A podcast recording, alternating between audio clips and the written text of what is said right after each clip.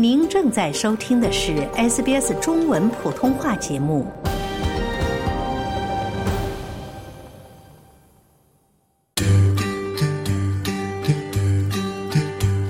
在澳洲生活对你意味着什么？是每天清晨新鲜的面包和咖啡香气，是广袤蓝天、金色沙滩、清澈海浪，是与家人共度时光，是感受不同的人生际遇。不不不，它也是是几代人的价值观碰撞。哎呀，妈，你就别管了。是期望和压力的交织。别玩了，回去给考个 C 不不客气。是跨文化的交流与误解。他说那话啥意思？是不是针对我？澳洲生活千滋百味，等你来谈。SBS 全新热线节目《生活相对论》，每周一早上八点二十分播出。生活相对，有趣绝对。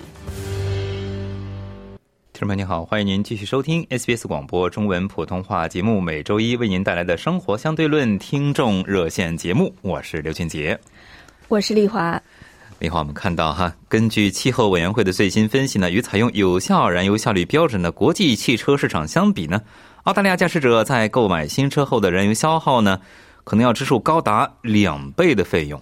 嗯，而且燃油支出呢是造成家庭经济压力的三大因素之一。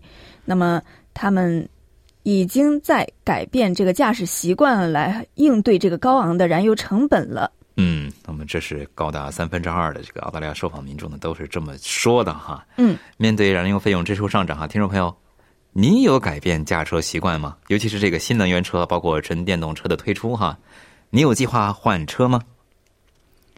那么，请您拨打我们的热线电话一三零零七九九三二三一三零零七九九三二三，分享您的经验和看法。嗯，非常欢迎您参与今天的生活相对论听众热线节目来分享您的经验和一些窍门和看法哈。习惯，嗯，在接听听众电话之前啊，先为您分享一下哈，我们看一看澳大利亚乘用车的这个排放率和世界其他地区比较而言是一个什么状况哈。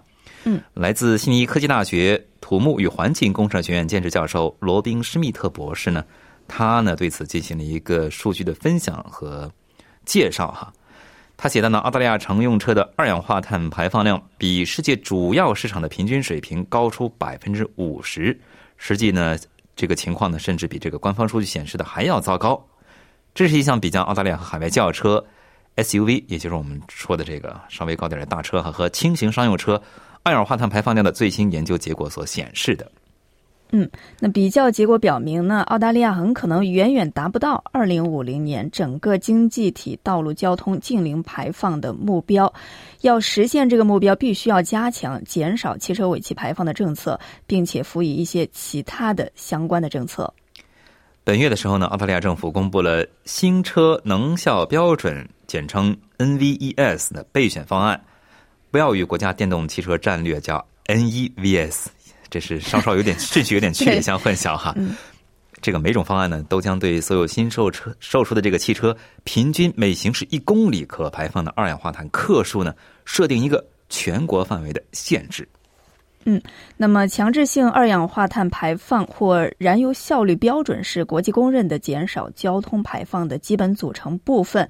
那为了给澳大利亚标准的制定提供进一步的背景资料和意见，总部位于澳大利亚的交通能源排放研究机构和国际清洁交通理事会呢合作编写了一份最新出版的简报文件。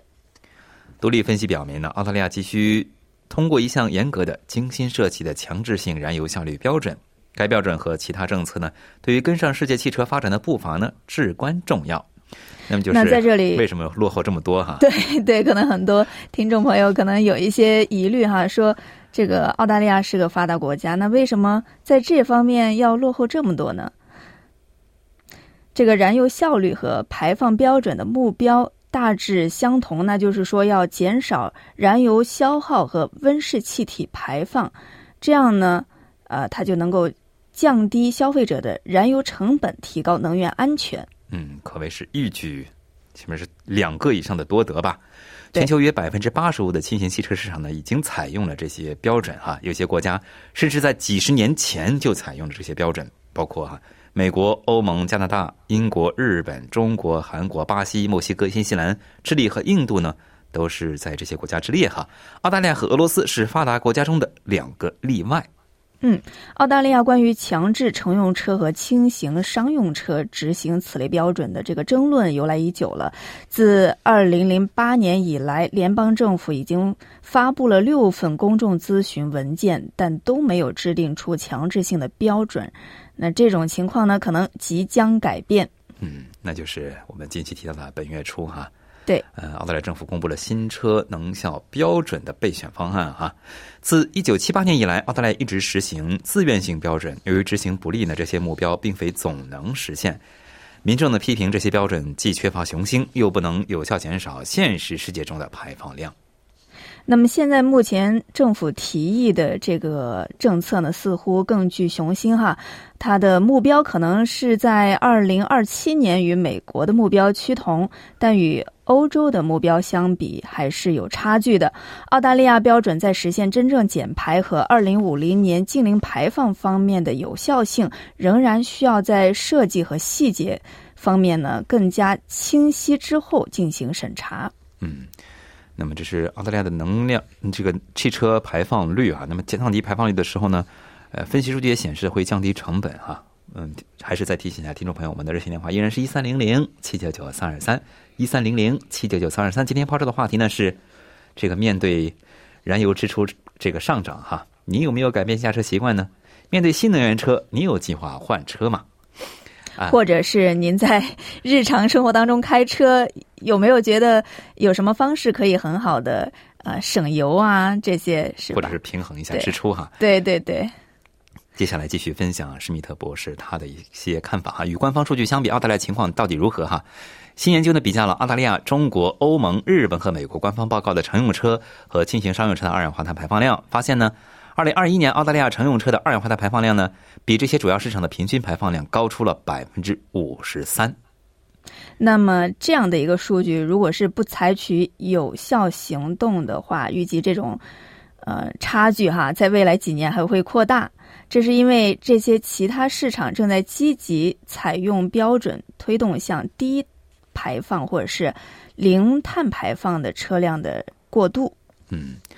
我们看看政府拟议的这个新政策啊，就是说，刚才我们也有提到哈，就是新车能效标准哈，如果是得以实行实施的话，意味着什么哈？嗯，专家的分析表明呢，澳大利亚新型轻型汽车的官方报告和实际道路二氧化碳的排放量都远远高于其他发达国家。有证据表明呢，如果不制定严格的强制性标准呢，这种糟糕的表现呢将愈演愈烈。好消息是呢，政府政府正在计划采取的行动呢。对解决缺乏有效标准的问题，呃，有一定的帮助哈。强制性标准很可能在今年通过，新车能效标准呢将于二零二五年生效。嗯，那么这一标准必须要经过精心的设计哈，这个是最主要的问题，然后才能够实现新车的真正减排。比如说，澳大利亚官方测试协议已经过时了，而且越来越低估路面的这个碳排放，这就造成了一个不现实和扭曲的情况，破坏了有效的减排。那政府表示呢，他打算采用更符合实际的测试协议。嗯，这些标准还包括，还应包括哈。专家认为。车载油耗监测，欧盟呢目前正在这样做，对新车的实际燃油效率和排放进行测量，并公布这些信息，以确保标准呢能够实现其目标。这一点也很重要哈。但最新的政府报告呢，并没有提及这一点。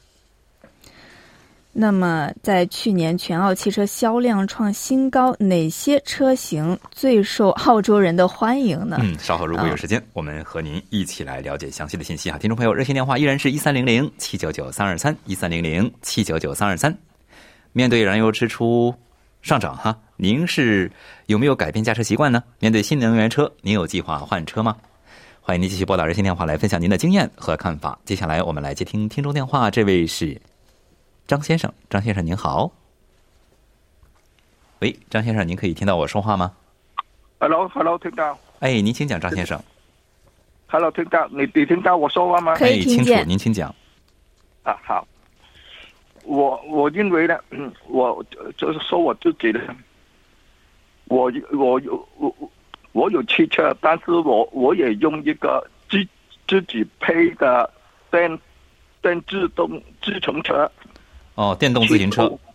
啊，去购物啊，或者到啊水利市中心啊那边去，我们可以坐这个火车嗯。啊，把这个把把个自行车放到呃这个火车站那边去，呃火车里面去，嗯，对，嗯是呃，呃那么就很很省我们的燃油和费用，嗯，那确实，这是个最好啊最好的一个方法。嗯啊。还有呢，至于单车的方面呢，我们一定要使它补配，补配了之后呢，什么都可以呃省钱和方便。嗯，非常谢谢而且这，个还有，而且呢，我们要用水力、风力，我没有听到澳洲是用水力发电的啊。在中国其他国国家，他们也有用这个水利，这个水是免费的，这个河流啊，什么啊水闸、啊我们澳大利亚的这个这个大陆的这个不知道这个潮汐哈，反正这个啊啊。淡水比较少哈，有斯诺伊对。这个水电 水电项目，啊。或者叫雪山水电项目。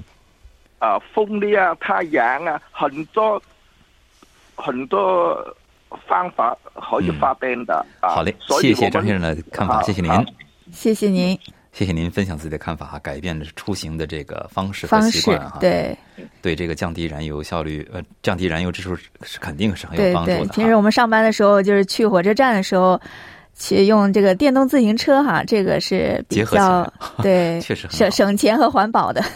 嗯，听众朋友，热线电话依然是一三零零七九九三二三一三零零七九九三二三。面对燃油支出增加哈，您有改变驾驶习惯吗？同时呢，这个面对新能源车，你有改，你有计划换车吗？哈，非常欢迎您拨打来分享您的经验和看法。接下来这位听众是，嗯，是洪先生还是方先生？喂，这位先生您好，哎，是方先生是吧？哎，是方国新方对，哎，方先生您好，您，请讲。呃，我今天想谈一下咱们这个油价的问题，正好牵扯到咱们今天谈这个油价的问题。哎，不知道二位主持人有没有注意到咱们这个澳大利亚的油价的这个波动区间？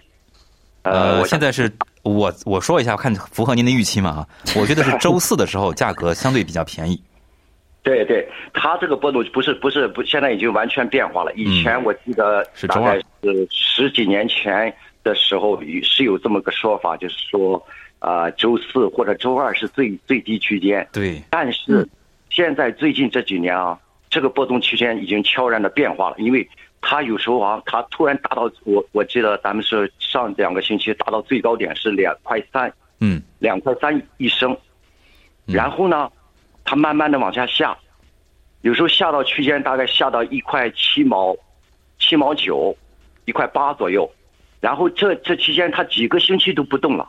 嗯，再就不动了，啊，几个星期没有波动，几个星期都没有波动，已经不是以前咱们十几年前来到澳洲的时候算是星期星期四、星期二，不是这样，最好它一直不动。这对，一直不动，这是说明什么问题啊？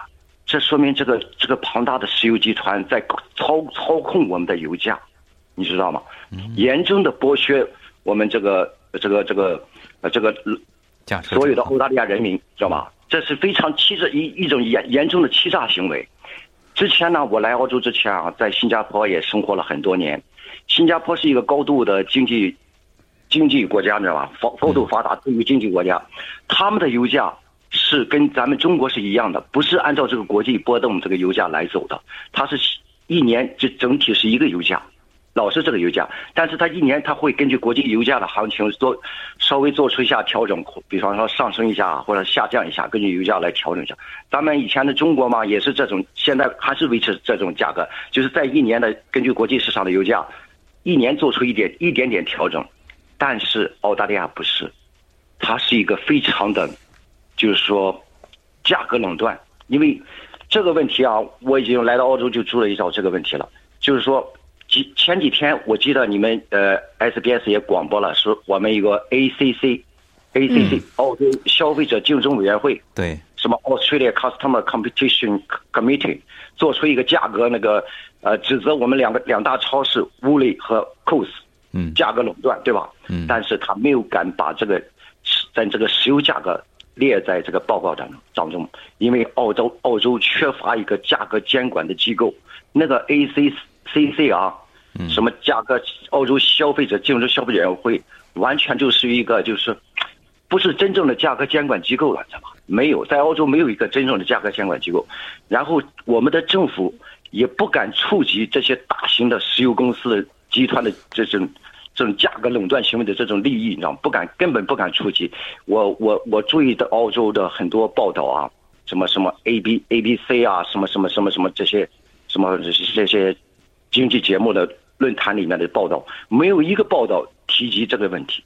这说明里里面有很大的这个这个这个漏洞，是政府不敢触及到的。是这个漏洞是欺诈行为。我呼吁啊，你们就是这媒体啊。呃，就联合其他的媒体，可以另外探讨一下这个话题，因为这个话题确实是作为一个呃我们这个高度民主的国家啊，对对，高度民主的国家，这这是价格欺诈，因为它好几个星期不动，你知道吧？就不动，因为因为它的定在是一一一块八毛钱的时候啊，其实那个价格已经是很低了，完全不是说它的那个应该更低，应该可能是在一块三毛几、一块四毛几，但是它。在那个区间，它不浮动啊，这是严重的欺诈行为，好吧？好嘞，请问谢谢，请媒体问一下，好吧？谢谢方先生分享自己的看法，谢谢您，谢谢您。听众朋友您好，欢迎您继续收听 SBS 广播中文普通话节目，周一为您带来的生活相对论听众热线节目，我是刘俊杰。大家早上好，我是丽华。嗯，丽华，我们看到哈，随着燃油支出的成本上升啊，我们澳大利亚的这个燃油效率标准呢，现在是放在了讨论的焦点之下啊，听众朋友。面对燃油支出上涨啊，你有改变驾车习惯吗？尤其是面对新能源车、纯电动车，你有计划换车吗？嗯，那么欢迎您拨打一三零零七九九三二三一三零零七九九三二三热线电话，分享您的经验和看法。接下来我们来继续接听听众电话，这位是洪先生，洪先生您好。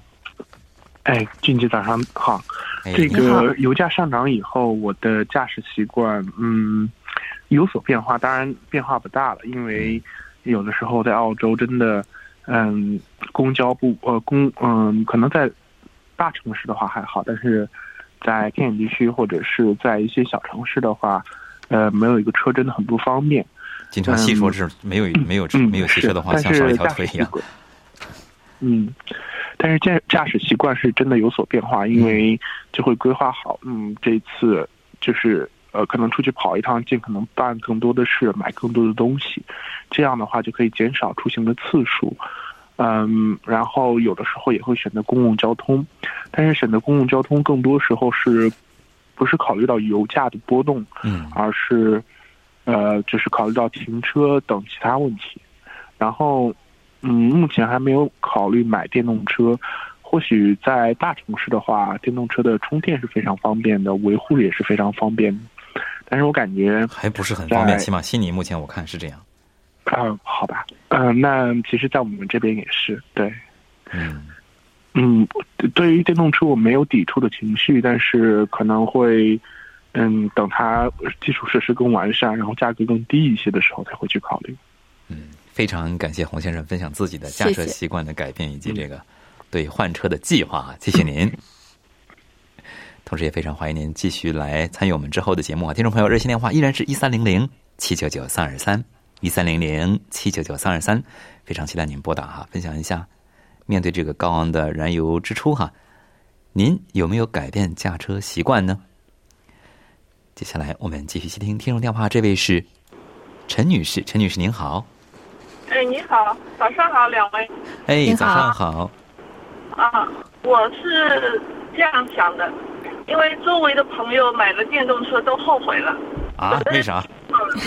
有的人比较了，用油、汽油开车跟电动车开车的那个费用是差不多的。哦。然后呢？对，差不多。另外还有加满了以后只能开三百公里。如果我们要想家里只有一辆车，想跑远一点的话，你就没有办法了。啊，另外。啊，充电桩太少。另外，在冬天，冬天如果说刮风下雪，很多车就停停在高速公路上，就动不了了。嗯。啊，像这种情况也要考虑进去。另外，什么碳排碳排放，啊，据世界经济论坛的那些大佬们说，牛放屁都要呃收牧场主的费用，所以我觉得这都是伪命题。嗯。另外就是澳洲那么多人呃用车，大家都用电动车，嗯，我觉得。嗯，不太可能，因为第一批用的后悔的话，这样传播出去，大家太好哈，太好。另外还有呃呃，在那个微信视频可以看到很多电动车出事，包括台湾的一个叫林林志颖啊，叫林志颖，对啊，呃毁容，像这种事故发生不是一期两期，所以我对这个市场也不看好。还是用汽油，对，啊，我就说这些。非常谢谢陈女士分享自己的看法和这个您的朋友分享的一些经历和观点啊，谢谢您，听众朋友。所以这个电动汽车现在市场还不是，就是说它这个有些相关的配套还不是太成熟哈，尤其是在澳洲这样的这种地大物博的国家。哎，确实啊，我们最后留一点时间，丽华，我们跟听众朋友们分享一下去年全澳汽车销量。创新高的那些车型哈，嗯嗯，根据这个联邦汽车工业商会在一月初哈年初的时候，一月四号的时候分析的说，澳澳大利亚呢，民众啊去年共购买了多少辆啊？一百二十一万六千七百八十辆新车，哇天哪，这么多，比二零一七年创下的全年记录呢高出于二点七万辆。嗯，对，而且这个。呃，SUV 哈，好像大家还比较喜欢这样的一个车型。同时呢，U Utes 就是 UTE 呢，多功能用途这个皮卡哈，和 SUV 是独占奥拓的，几乎占总销量的八成，占全部十大最受欢迎车辆的榜单哈。听众朋友，由于时间关系，今天节目呢要和您说再见了哈。非常感谢您在现场的陪伴以及打入电话对我们的支持。我是刘俊杰，我是丽华。想听到更多这样的故事吗？您可以通过苹果播客、谷歌播客、Spotify，或者您喜爱的方式下载收听。